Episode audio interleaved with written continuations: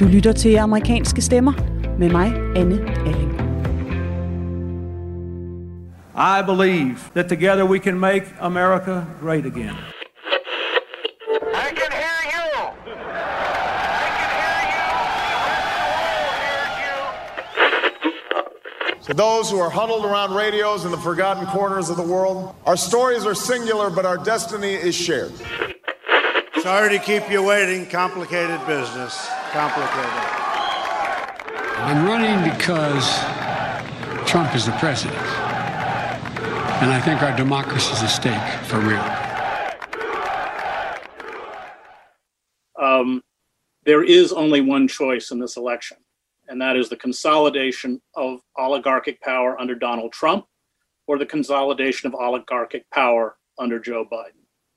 The oligarchs with Trump or Biden will win again, and we will lose.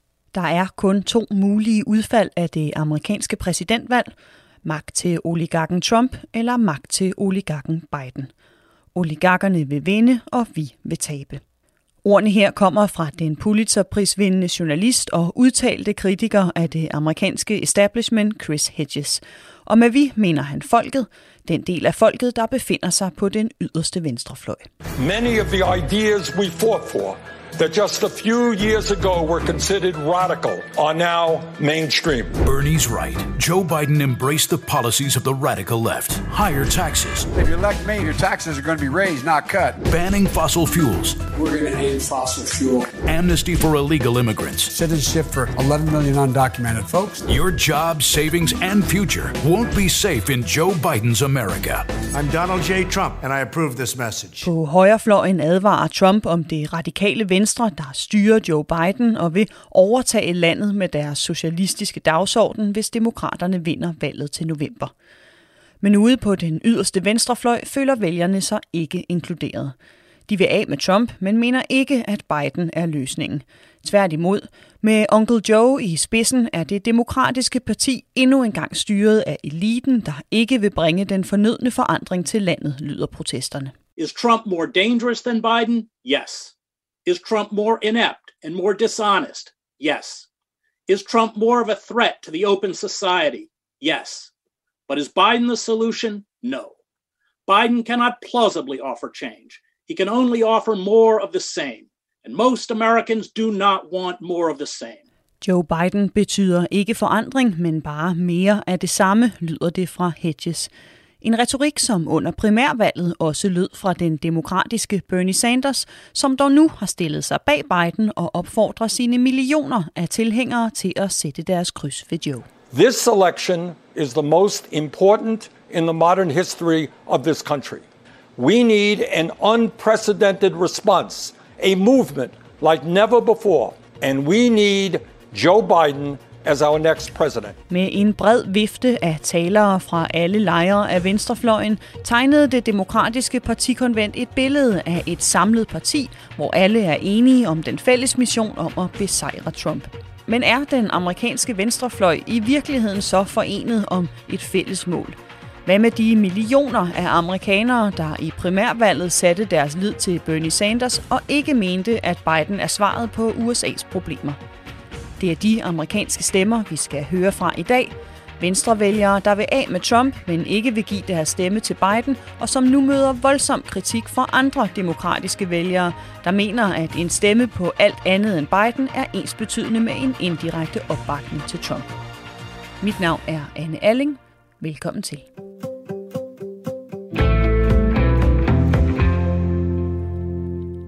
Men inden vi går helt ud på den yderste venstrefløj, så skal vi først lige en tur til aftenkaffe i det vestlige Tennessee, for at prøve at få et billede af, hvor broget den demokratiske vælgerskare er.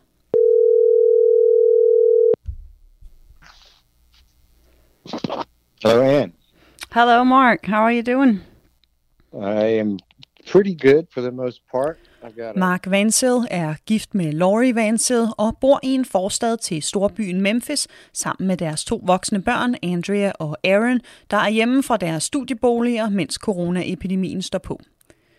Laurie arbejder som lærer, og fordi hun er omgivet af så mange mennesker hver dag, forsøger familien at holde social afstand inde i huset, sover i hver deres rum og sidder med god afstand til hinanden rundt om stuebordet.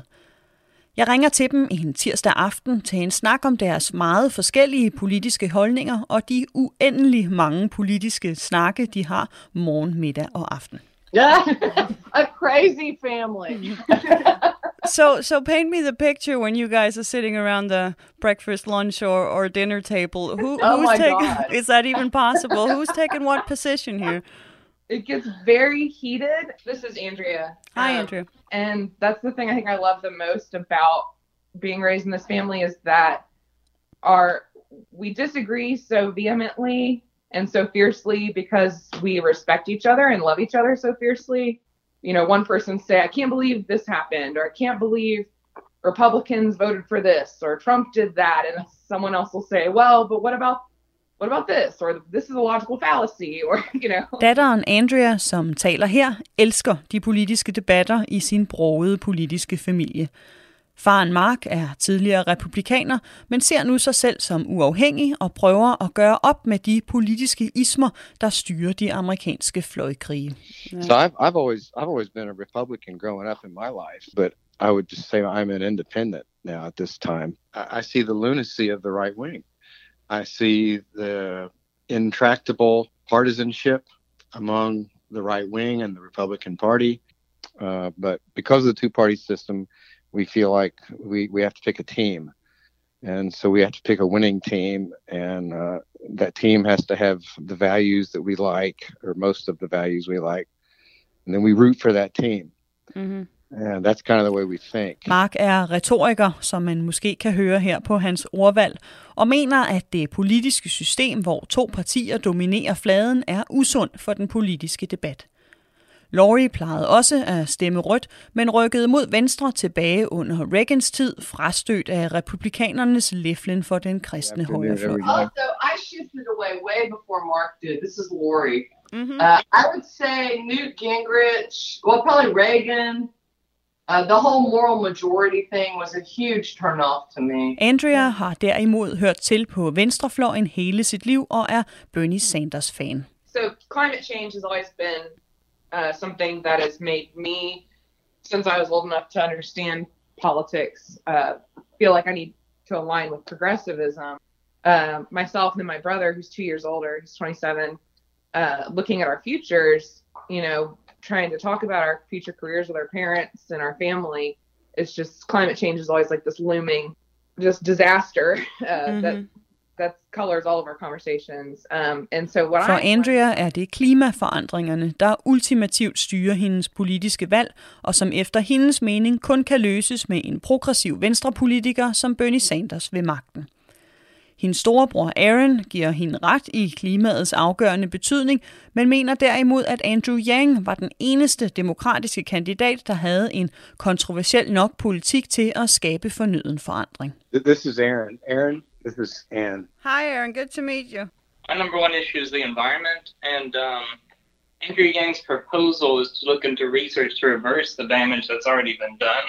And um, a lot of the other candidates on the Democrat side either just don't really have a clear plan or exclude technology that would um, be to reverse global warming in favor of uh, reductions. And Grundlæggende har Aaron meget lidt tiltro til det demokratiske system og tror ikke på, at hans stemme gør en forskel. you feel like you don't have a voice.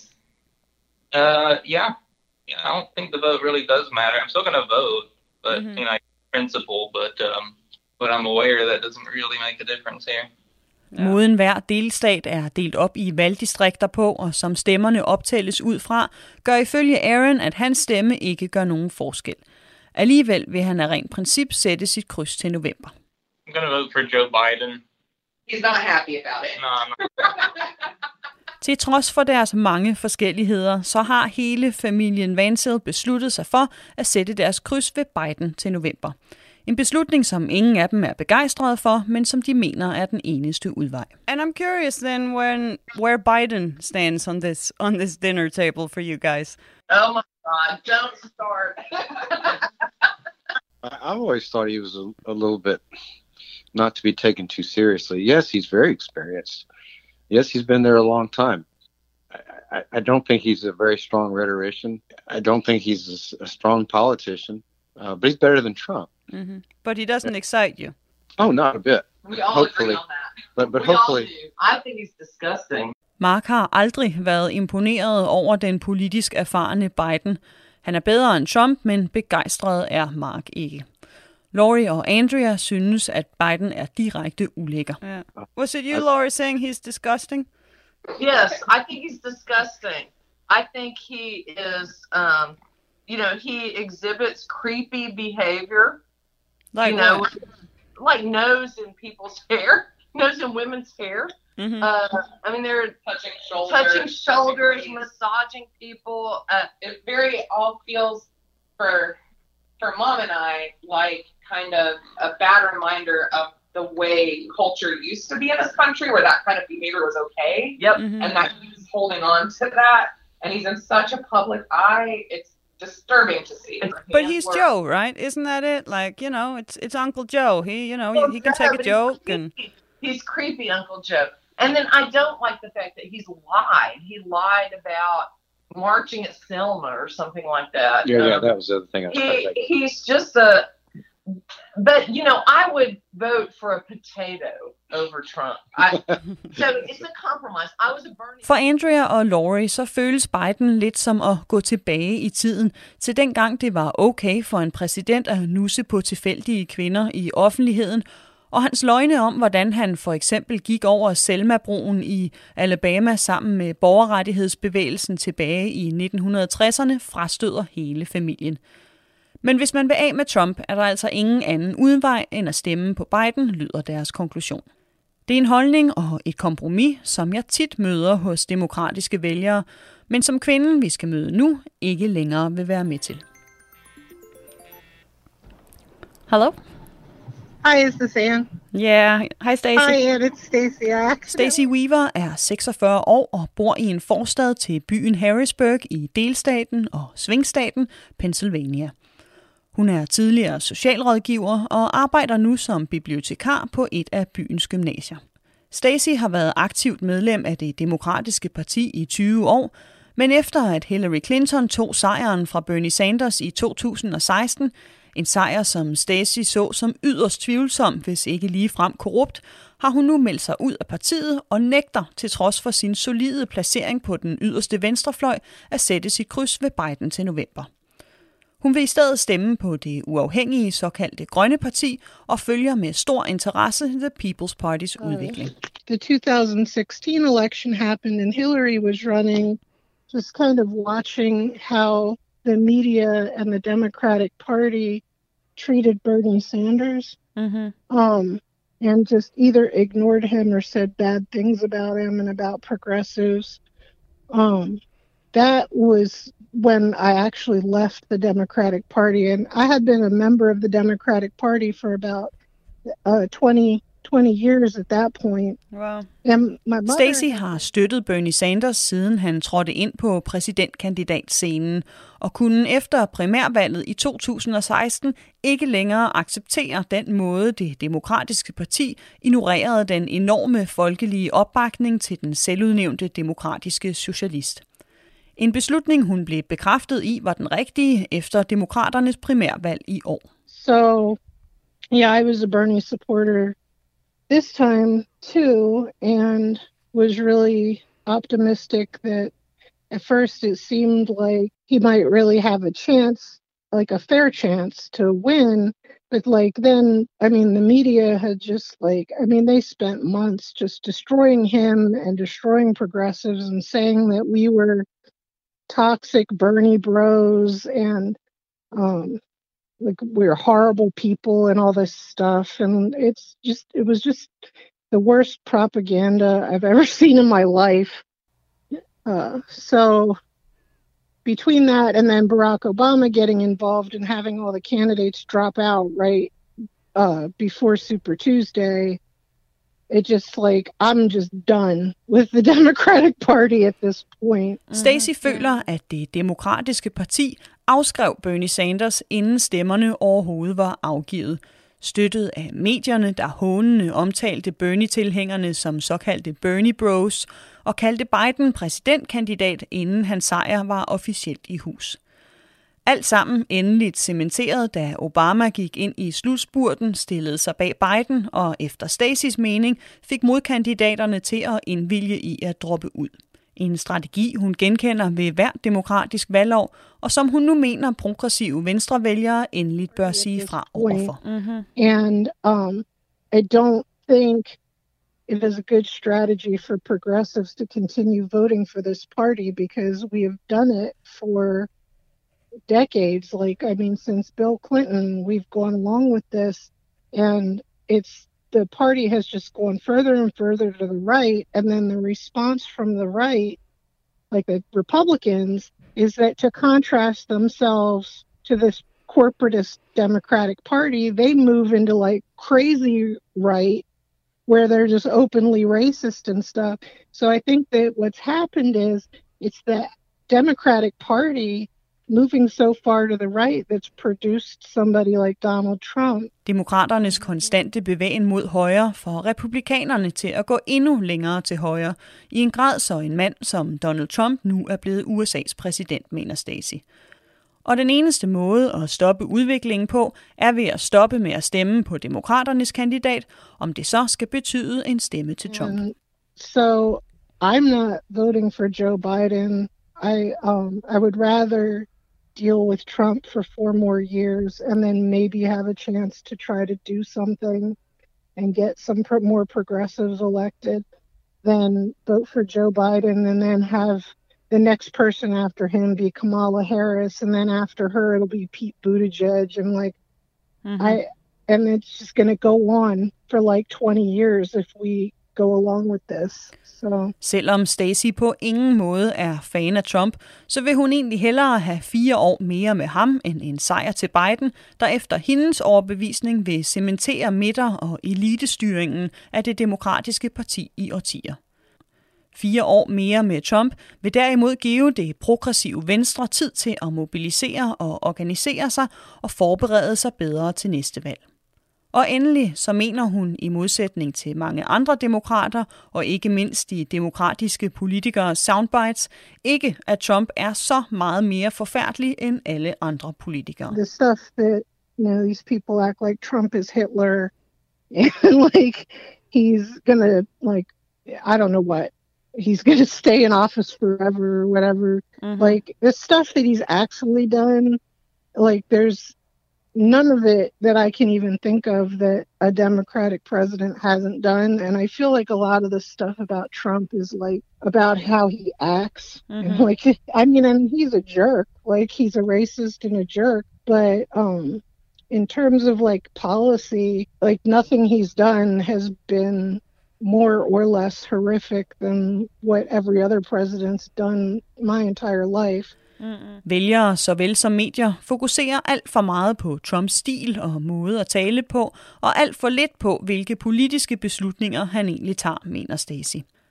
Præcis som de gjorde med Obama, medierne og venstrevælgernes darling, som også Stacey, der er halvt hvid og halvt afroamerikaner, havde enorme forventninger til, ikke mindst da hun hørte ham love i sin 2008-valgkampagne, at han ville stoppe USA's krige. Most of you know that I opposed this war from the start. I thought it was a tragic mistake. Today we grieve for the families who have lost loved ones, the hearts that have been broken, and the young lives that could have been. America, it is time to start bringing our troops home. It's time. Opildnet af Obamas løfter donerede Stacy til hans kampagne. En investering, hun stadig fortryder den dag i dag. Because, you know, not only had he not ended either of the wars that we were in, which is what, you know, one of the main reasons I had voted for him and like volunteered for him and all this stuff. Then he started five more wars in this like drone bombing campaign that kills mostly civilians. Mhm. and getting the United States into like involved with Saudi Arabia committing genocide in Yemen. And so it just was like a huge, complete disappointment. Obama endte i Stacys øjne med at være præcis som de andre politikere. Fuld af tomme løfter og med alt andet end befolkningens ved og vel for øje både på de forsvarspolitiske områder, men også når det kom til for eksempel sundhedssektoren. Med indførelsen af den såkaldte Obamacare, der skulle gøre det nemmere og billigere for amerikanere at gå til lægen, oplevede Stasis mand, der er selvstændig elektriker, at hans sygesikring steg så meget i pris, at han ikke længere havde råd til at betale den. Sygesikring, der i Stasis øjne bør være en menneskeret, ikke mindst i et rigt land som USA. I think it's inexcusable for any politician, but especially somebody who says they're in this Democratic Party that's like the left party.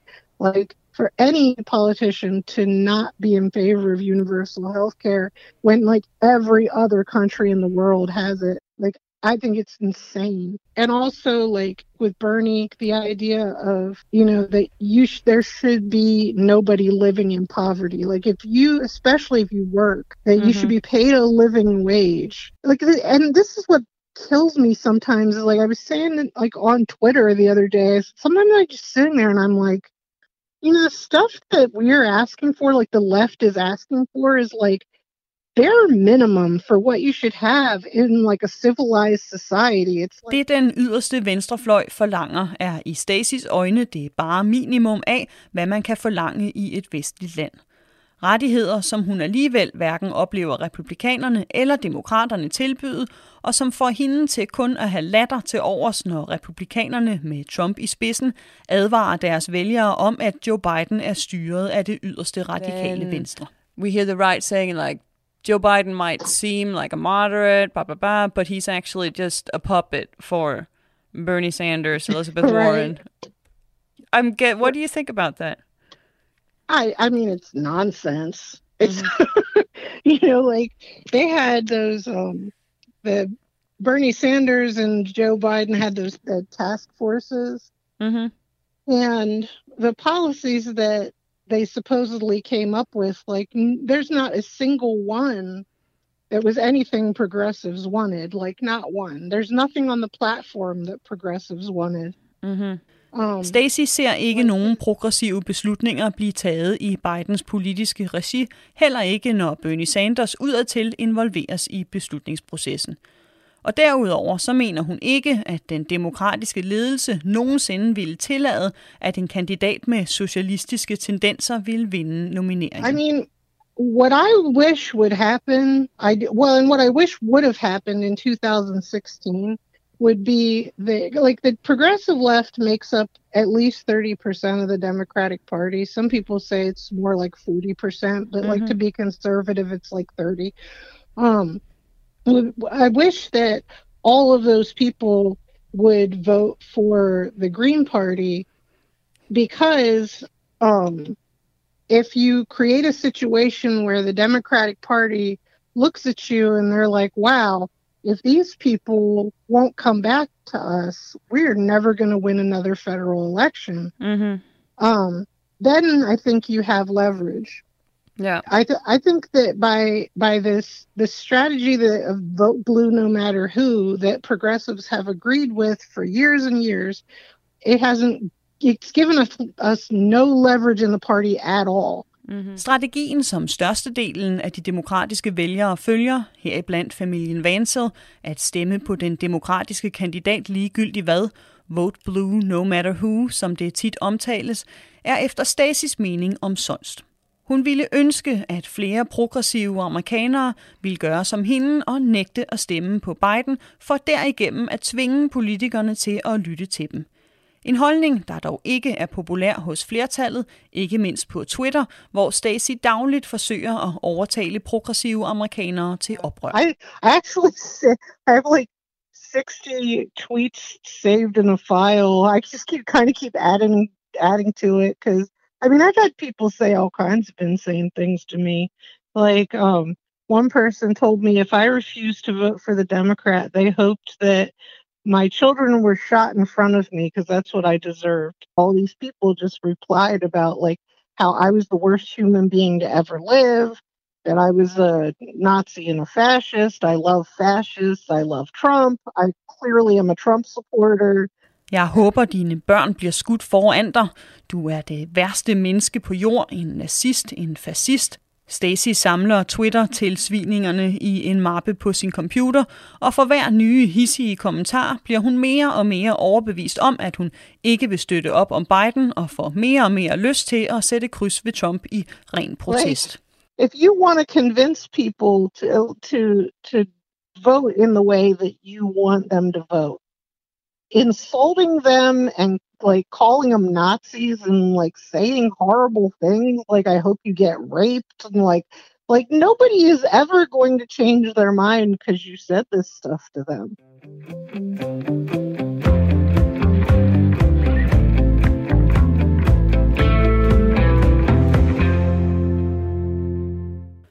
Du lytter til amerikanske stemmer, der i dag handler om splittelsen i det demokratiske parti, og hvordan progressive venstrevælgere ikke vil stemme på Biden.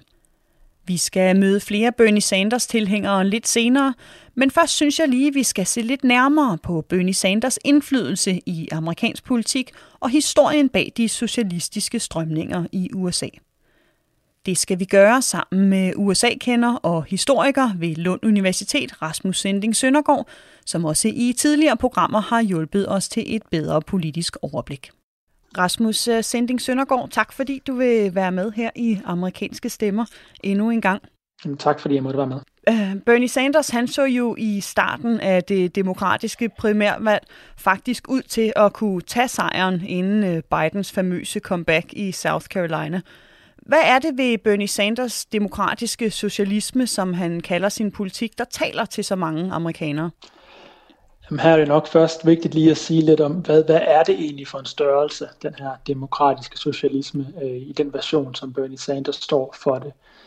Øh, og der må man jo sige, at der er forskellige udlægninger af, hvad det er, hvis man øh, hører øh, konservative røster i Amerika versus øh, dem på, på venstrefløjen. Mm-hmm. Men altså sådan helt nøgternt, så kan man sige, at det, det Bernie Sanders står for med demokratisk socialisme, det er jo en, en velfærdsstat lidt i stil med det, vi kender det her hjemme fra Skandinavien. Uh, vi hører ham ofte tale om, at uh, healthcare is a human right, for eksempel, og han, han fremstiller, kan man sige, alle de her øh, økonomiske og sociale rettigheder som, som menneskerettigheder. Og det han også ofte øh, hvad skal man sige, taler om, når han taler om, hvad hans mission er, det er jo, at han ønsker at færdiggøre den her såkaldte New Deal øh, fra, fra øh, hvad hedder det, Franklin Delano Roosevelt, altså med den her, kan man sige, den der store demokratiske politiker i USA, der skabte øh, efterkrigstidens, øh, eller det der blev efterkrigstidens øh, velfærdsstat i USA. Mm-hmm.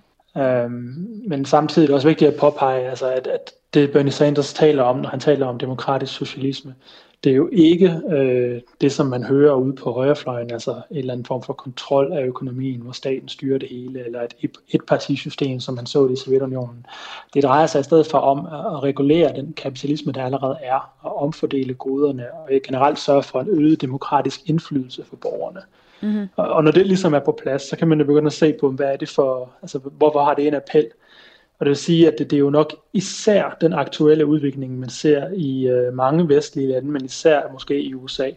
Altså, at mange øh, amerikanere, de oplever en manglende økonomisk fremgang. Øh, der er en voldsom galopperende ulighed i det amerikanske samfund.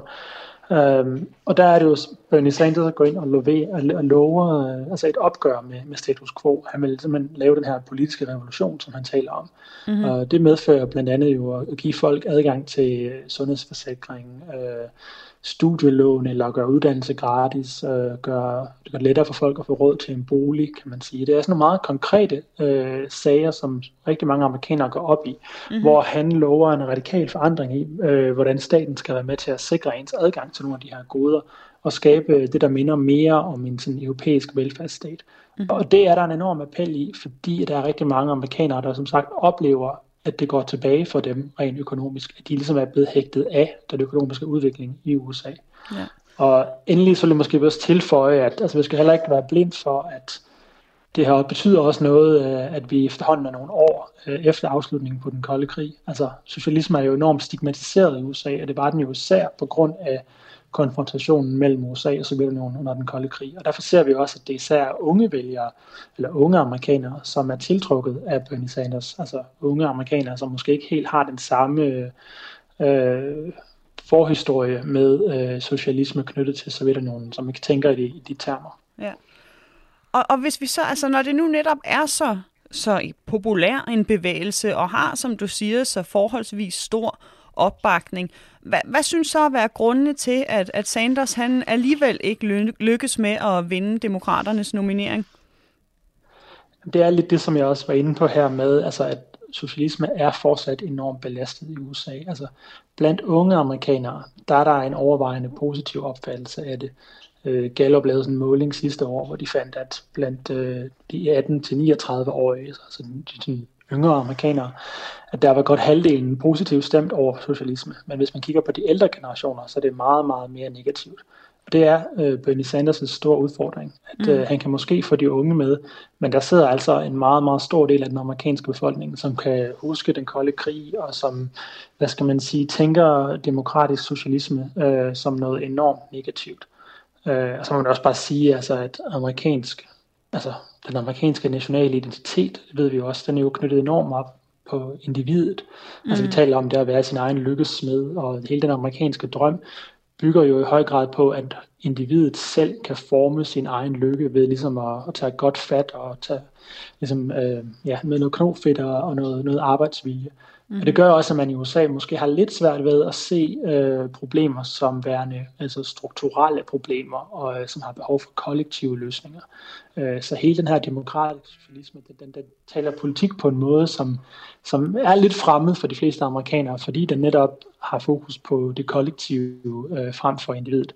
Mm. Og det er en udfordring, og det gør, at han har svært ved at appellere for eksempel til sådan mere moderate demokrater, men også til ældre vælgere især. Og det jeg hører fra, fra mange af de Bernie Sanders tilhængere, som, som jeg taler med, det er, at de mener, at at der simpelthen ikke rigtig er den store forskel på alternativet, at, at republikanere og demokrater i deres øjne i, i den grad står meget for det samme. Er det noget, som, øh, som også er din opfattelse fra, fra, fra Bernie-vælgere? Ja, det, jeg har også nogle, nogle bekendte i USA, som, som stemmer på Bernie Sanders, og det er også meget af det, man, man hører, synes jeg, når man taler med dem. Altså, de er simpelthen dybt frustrerede over det demokratiske parti. Man skal heller ikke underkende, at der, der er mange, der mente, at, han jo, at Hillary Clinton jo i et vist omfang øh, fik lidt hjælp af det demokratiske parti, da hun øh, besejrede Bernie Sanders øh, mm. sidste gang. Man skal huske, at Bernie Sanders fik jo 46 procent af de demokratiske stemmer i primærvalget i 2016, så han kom meget tæt på. Og der er rigtig mange af hans vælgere, øh, som mener, at øh, altså, det demokratiske parti har svigtet dem.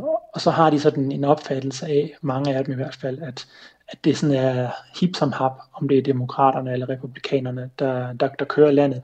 Fordi i deres øjne, så kan man sige, at de to, de står lidt for to variationer af det samme system.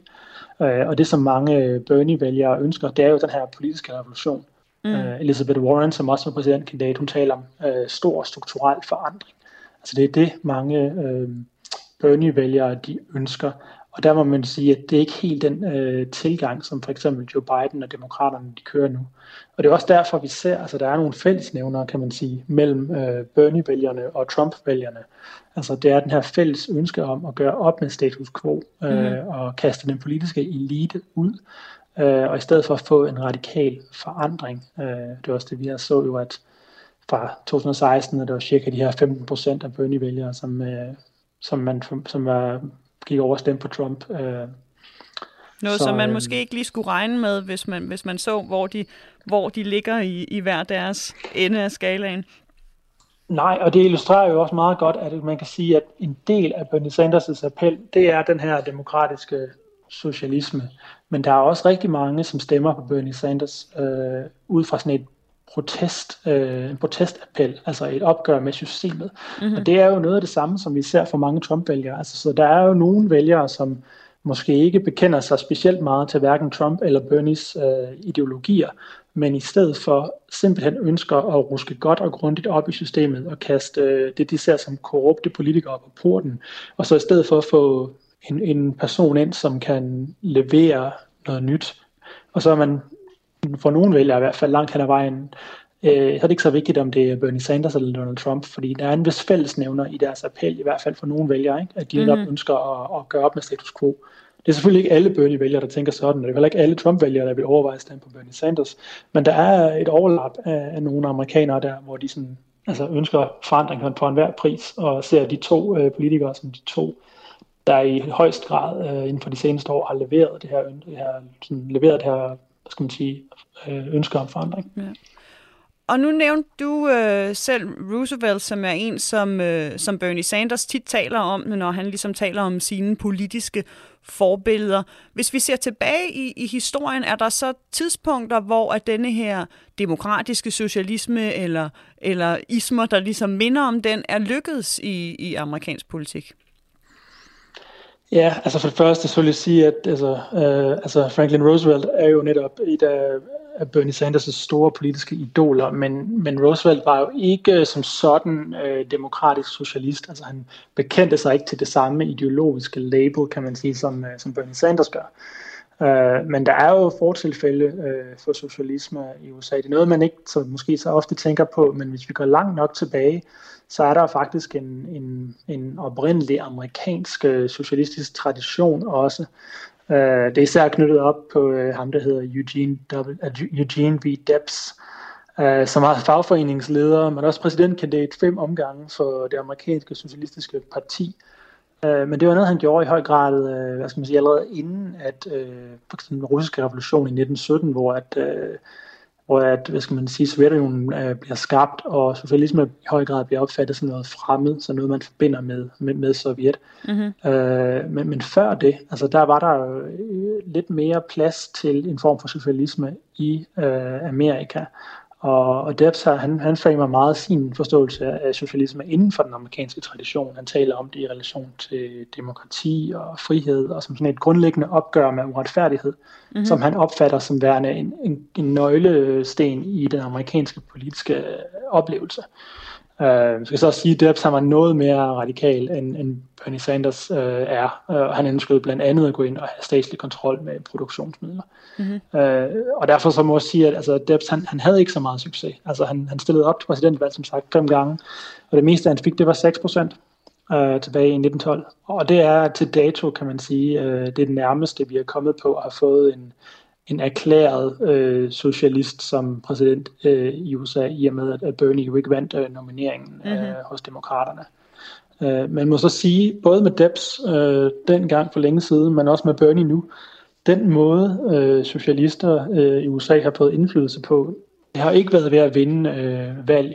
Det har været ved at hvad skal man sige, flytte samtalen, især i det demokratiske parti, Mm-hmm. Øh, og det er jo det, som øh, altså Roosevelt han overtog i høj grad øh, nogle af de øh, politikområder, som, som Debs han advokeret for i sin tid. Øh, og det er jo det samme, vi ser nu også. Ikke? Altså, det, som Bernie Sanders stod for i 2016, det er jo i høj grad øh, blevet mainstream inden for det demokratiske parti nu i 2020. Altså mm-hmm. noget som en mindste løn på 15 dollars, og snakke om øh, Medicare for all, og snakke om øh, gratis universiteter osv. Øh, så man kan sige, der er en lang tradition for socialisme i USA, men det har altid været, øh, hvad skal man sige, en marginaliseret politisk ideologi, øh, som så dog af og til har påvirket det demokratiske parti i sådan en venstreorienteret retning, mm-hmm. øh, som vi så også ser det i høj grad i, øh, i de her dage af demokraterne. Så man kan sige, at selvom at, at Bernie Sanders tilhængerne måske føler, at, at de ikke får eller og vil få den indflydelse, de godt kunne tænke sig, når de, de sætter deres kryds, så har de måske allerede til en vis grad fået det i, i, politiske, i politiske dagsordner. Det synes jeg godt, man kan sige. Altså, det synes jeg også, at det så vi jo også i det demokratiske primærvalg øh, den her gang i forhold til sidste gang at øh, sidste gang var Bernie Sanders en smule isoleret med nogle af hans øh, holdninger, og det var også det, der gjorde, at han appellerede til mange vælgere. Han stod ligesom ud af mængden, hvorimod man talte om, at den her gang i det demokratiske primærvalg, så var Bernie stadigvæk Bernie, men der var andre politikere på spil, Elizabeth Warren, men også øh, mm. flere sådan mere ind over midten, øh, som havde taget nogle af hans øh, mærkesager til sig. Og på den måde kan man sige, at øh, altså, ja, øh, nogle af de øh, emner, som i høj grad tidligere var begrænset til Bernie Sanders og den yderste venstrefløj, øh, nogle af de politiske emner, de er efterhånden kravlet ind øh, nærmere mod magten øh, i det demokratiske parti. Og på den måde har man jo haft kan man sige, en indirekte indflydelse, selvom man ikke øh, står til at, at vinde øh, magten over det demokratiske parti.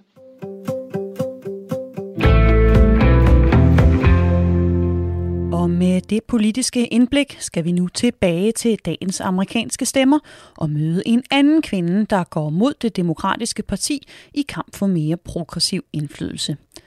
Kvinden har ligesom Stacy oplevet voldsom kritik mod sine holdninger, både online, men også fra sin omgangskreds, og har derfor bedt om ikke at blive omtalt ved sit rigtige navn. Jeg tænker, at vi kan kalde hende Hanna for nemheds skyld. Hello. Hello. Hi, Ian. Hi, this is Anna. How are you doing? I'm good. How are you? I'm good. I'm good. I mean, gosh, there's so many things to say. Um, so I I'm not registered for any party because I like the idea of like having um ranked voting and you voting for a person and not a party. It's not that a lot of my friends disagree with that. The problem is that they think that right now you cannot vote for anybody other than the Democratic candidate um, because Trump has to go. Hanna er 41 år og har som datter af en far i militæret boet i stort set alle hjørner af Amerika samt et par år i Tyskland. Hun er en dedikeret Bernie Sanders tilhænger, en politisk overbevisning, som hun normalt deler med sine venner, men som hun nu efter Bidens nominering føler, at det ikke længere er i orden at stå ved. Og i modsætning til mange andre demokraters opfattelse, så ændrer det ikke på hendes opfattelse, at Biden har valgt Kamala Harris som vicepræsident. Tværtimod. Joe Biden chose Kamala Harris as his uh, VP. I I immediately, you know, shared a bunch of resources and articles with my friends, and I was like, "How can you get behind her? She has built her career on the backs of her own people, like black other black people and poor people." um, as a DA and AG uh, Attorney General in California. Så snart Bidens valg af Kamala Harris blev annonceret, gik Hanna i gang med at researche på Kalifornien-senatorens fortid som statsanklager. Artikel efter artikel om den afroamerikanske kvinde, der dømte især sorte, uskyldige amerikanere. Well, as Senator Kamala Harris rises in the early presidential polls, she's facing increased scrutiny over her record as a prosecutor in California. Kamala Harris was not a progressive. Fængsels- og retssystemet er i det hele taget et område, der står Hanna nært. Hun har arbejdet i otte år som værge for prøveløsladte fanger, og med egne øjne oplevet, hvad USA's fængselssystem gør ved både fanger, deres familie og samfundet generelt. My friends and I, we all understand how the prison system works mm-hmm. in, in America and how it, it, it targets black people and brown people and poor people um, and other minorities you know, at a, a, much higher percentage than and than you know middle class or upper class white people, and that you know the prison system is the the current form of slavery. Like we all know this. We've read about these things and seen these things, mm-hmm. and yet they are willing to turn a blind eye to that mm-hmm. to say, "Let's get Trump out of office." And I'm like, so who are you electing? Hanna mm-hmm. kan ikke forstå, hvordan hendes venner, som hun ellers oplever som oplyste omkring det amerikanske retssystem, kan stille sig bag en kandidat, der efter hendes overbevisning arbejder for at opretholde det diskriminerende system.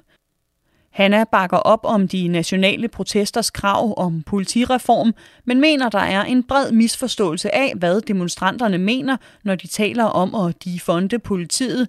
En defunding, som Biden har sagt, at han ikke vil støtte. I mean, he, he openly said he was not going to defund the police, which again, that's another thing where people keep saying, no, defund the police. And, and they're like, oh, so you don't want police? Well, that's not what it means, okay? Mm. Please educate yourself. but you know, he openly said, you know, he's not for that. Mm-hmm. So, so, what kind of defunding the police? What does that mean to you? Uh, just uh, redistributing some of the funds um, mm. that they that law enforcement gets um, into community resources um, mm. that are actually going to help people. Um, you know, into school systems, um, into like why are schools zoned and and paid for like they receive money based on property taxes? That's why there are poor schools. For Hanna der handler de funding om at omfordele midlerne så for eksempel skoler får mere finansiel støtte og politiet mindre. En for hende vigtig kamp, som hun dog ser blive formudret af de voldelige protester, som hun ikke bakker op om, men godt forstår, hvor kommer fra. I don't personally think that burning and looting serves their purpose at all. And I think it's very unfortunate that that's happening because I think what's happening is the message is getting lost. Mm-hmm. And I, I wish that people could understand that and it but it's so hard because I know everybody you know a lot of people have big feelings about it and it's and it's they just feel really helpless and hopeless right now. Oppe i Pennsylvania er Stacey Weaver enig med Hannah i, at de voldelige protester giver bagslag og fodrer højrefløjen med argumenter for at genvælge Trump og hans lov- og ordenpolitik. Men samtidig så ser hun ikke fredelige protester med skilte og slagord have en effekt længere. And, and it doesn't seem like peaceful protest works. Because and I don't think it does. I think that you have to have civil disobedience. Like I don't think the ruling elite care at all if you show up and march around with a sign. I don't think they care. I don't think they listen, and I think that's what they want you to do. Mm-hmm. But but they also they don't want you to be organized and actually do something productive. They prefer you to riot. Mm-hmm. If you're going to choose between doing something that would actually bring about change and rioting, they'll always encourage you to riot. Skal eliten vælge mellem, at demonstranter protesterer voldeligt eller rent faktisk organiserer sig, vil de altid vælge det første, mener Stacy. Og det er her, hun sådan håber, at den nye generation vil lære mere af de tidligere. Stacys afroamerikanske far var en del af borgerrettighedsbevægelsen og gik sammen med Martin Luther King under marchen til Washington.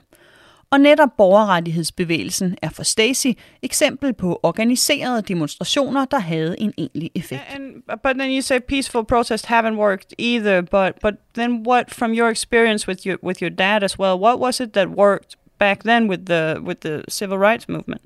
Well, I think it was like the boycotts and things like that. I mean, that the bus boycott in particular, that's the one that I know. Like that caused the people who ran the bus company and the bus drivers and everybody who was involved and like back then you know like buses were like way more important in the mm-hmm. community than they are now but like so that was imp- it was important to the community and like the bus company people actually said you know, give these people what they want. We don't care if they sit in the front of the bus. We need them to ride the bus. 1950'ernes bus boykot havde en effekt, fordi det ramte systemet på pengepungen og tvang dem til at lytte til demonstranterne. På samme måde som Stacy mener, at den progressive venstrefløj bør stå sammen i et fælles oprør mod det demokratiske partis ledelse for at få indflydelse. For heller ikke demokraterne vil efter Stacys overbevisning komme demonstranterne til undsætning, hvis Biden vinder valget til november. And he won't take any responsibility for his role in all of this. And he never just says, you know, like, I'm sorry I did this. This way of policing is unacceptable and it's cause that's the cause of this. But he won't do that because the Democratic strategy at this point I think, is to try to attract more conservative Democrats and like like uh, moderate Republicans. And so they're all into all that law and order stuff. Med 47 år som amerikansk politiker, senator og vicepræsident, bør Biden ifølge Stacey stå frem og tage ansvar for den amerikanske racediskrimination, som historien tydeligt viser ikke er et problem, som udelukkende Trump kan beskyldes for. Men Stacy tror, at Biden holder sig tavs i frygt for at skubbe lov- og ordensstøttende moderate vælgere fra sig. Tilbage hos Hanna kender hun alt til højrefløjens kritik af de voldelige demonstrationer og retorikken om, at den yderste venstrefløj er skyld i ilden i gaderne. Hele hendes familie er nemlig trofaste Trump-støtter, og Hanna står derfor nu i en situation, hvor både hendes venstreorienterede venner og republikanske familie tager afstand fra hende. I mean, my whole family is is hardcore Republican Donald Trump supporters. They think he's the best president we've ever had. You know, I try, I've tried to have conversations with them. Um, and I can't. I mean, they they're they're kind of bullies when it comes to that, and that's kind of. Hanna har altid skilt sig ud politisk i familien, men følte indtil Donald Trump blev præsident godt, at hun kunne enes med dem alligevel.